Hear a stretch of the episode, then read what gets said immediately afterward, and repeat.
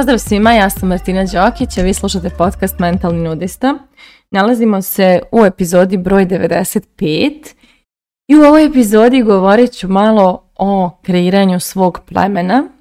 pošto mislim da je to jedna od najvažnijih stavki za živjeti život po svojoj mjeri, odnosno živjeti svoje autentično ja, jer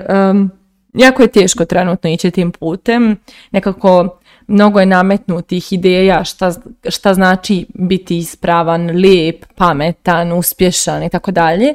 da kada se ti spoljni faktori ne poklapaju sa našim idejama šta to znači biti lijep, pametan, uspješan i tako dalje, mi često znamo da, da, da se kolebamo i da ne idemo za tim svojim, nego da idemo za tim nekim nametnutim stvarima i onda da bismo uopšte bili e, to što jesmo, jako je važno da oko sebe imamo ljude koji vole to što jesmo i vjeruju u to što mi jesmo i podržavaju to što mi jesmo, jer um, negdje tako idemo brže kroz život i bolje napredujemo i lakše napredujemo i negdje sve je ljepše i jednostavnije. ja sam uvijek počinjem ovo nešto kao ja sam, ali evo ja sam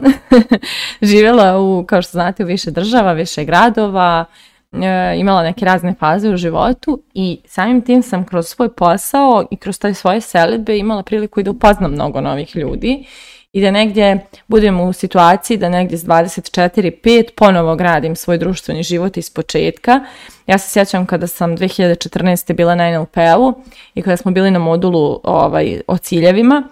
ja sam ovaj, na listu tamo, pošto se pisalo šta ono želima imam, želima nemam, ne želim, a imam, ne želim, a nemam i tako dalje, ja sam u želim, a nemam pisala e, da želim prijatelje. Da ih želim, a nemam, jer u Beogradu stvarno nisam imala prijatelje. Jer preselila sam se, jeli, da kažem, malo kasnije tamo, ljudi su tamo već bili konektovani, ja nisam bila tamo da sam otišla na studije i slično i onda nekako nisam, nisam lako stekla ovaj, neki svoj krug ljudi i to je za mene baš bila velika tema tada. Međutim, eto baš na NLP-u sam stekla neke prijatelje i nakon toga taj krug polako, ali sigurno je počeo da se širi, da se razvija i najveći zapravo pomak u tom razvoju imalo je prihvatanje činjenice da je sasvim u redu da neki bliske prijatelje srećem i u kasnijem dobu i negdje sam se odvezivala od onog vjerovanja koje je dosta onako zastupljeno kao da, da su ti jedini pravi prijatelji oni koji te znaju cijeli život i da ono ako izgubiš nekog prijatelja da na neki način mnogo počneš da prispituješ sebe i sumnjaš u sebe i pitaš se da li si ti ispravan ili dobar zato što se više ne družiš s nekim s kim si se družio toliko dugo. Međutim, sad s ovog aspekta nekoga ko zna šta je nesvisni um i transformacija i evaluacija i razvoj mindseta i što šta, meni je sasvim jasno, logično i prirodno da mijenjamo kroz život i prijatelje, odnosno da postoje ti neki s kojima osjećamo da imamo stabilan i, postojan odnos koji može da traji decenijama, ali da je sasvim u redu i da ti odnosi imaju faze, Faze kada se udaljavaju, fazi kada se izbližavaju, faze kada preispituju i tako dalje, jer organizmi smo živi i evaluiramo i logično je da nekad ne možemo u istom momentu na isti način da evaluiramo, nego da čak jedni drugima služimo kao trigeri u tom procesu evaluacije. Isto tako logično je da ako se razvijamo različitim tempom, da u nekom trenutku se mnogo udaljimo od nekih ljudi koji su nam bili bliski ili se oni udalje od nas i da prosto e, ne osjećamo više da, da dijelimo teme, interesovanja, poglede na život, poglede na svijet i da ne, moramo zbog toga da dovodimo u pitanje mm, sebe, niti njih, nego prosto da je naš neki proces razvoja se na neki način nije sinhronizovao i da zbog toga ne možemo više da se nekako, nismo više kompatibilni ili komplementarni u tom svom odnosu.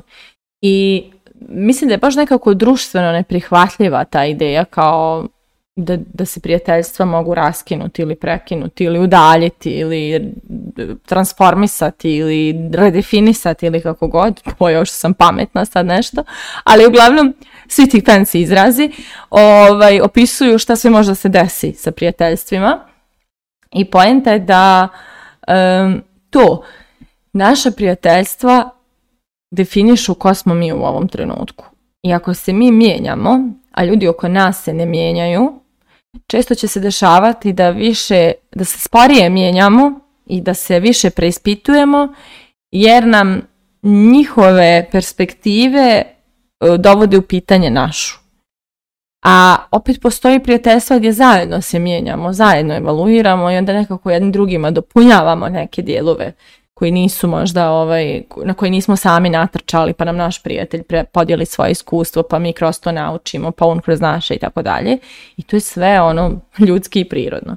i recimo ja imam sad dosta nekih prijateljstava koji su nastala dosta, koji su nastala dosta kasnije. Znači nastala su, neka su nastala pre tri godine, neka su nastala pre pet godina, neka su nastala pre godinu, dve i jednako su duboka kao neka koja možda postoji jako dugo u mom životu, a opet s druge strane postoji neka prijateljstva koja postoji jako dugo u mom životu koja nemaju više tu dubinu i nemaju više tu vrstu razumijevanja i konekcije koju su imali nekada. Jer prirodno je to, znači mijenjamo se, došli smo na ovu planetu da se transformišemo, da se istražujemo, da otkrivamo nove verzije sebe i sasvim je okej okay da u tom putu nekad ne koračamo svi zajedno i ne vučemo sve ljude s kojima smo bili dobri, kao sad svi moramo da idemo zajedno ovim putem. Ne. Svako ima neki svoj put, nekad će ti putevi biti sinhronizovani, nekada ne, ali važno je da ne definišemo sebe kroz to, odnosno da ne gledamo da smo da ne smatramo da smo mi loši ljudi zato što se s nekim ljudima više ne razumijemo.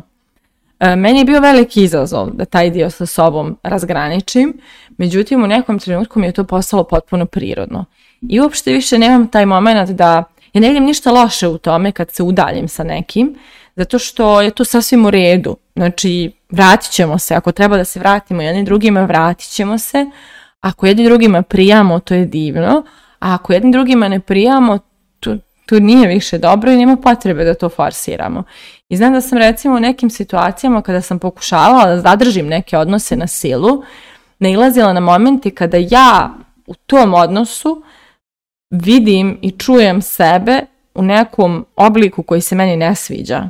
Znači, bukvalno kao da na silu pokušavajući da ostanem sinhronizovana sa nekim s kim više ne osjećam sinhronizovanost, ja pokušavam, ja ispadam nešto što nisam.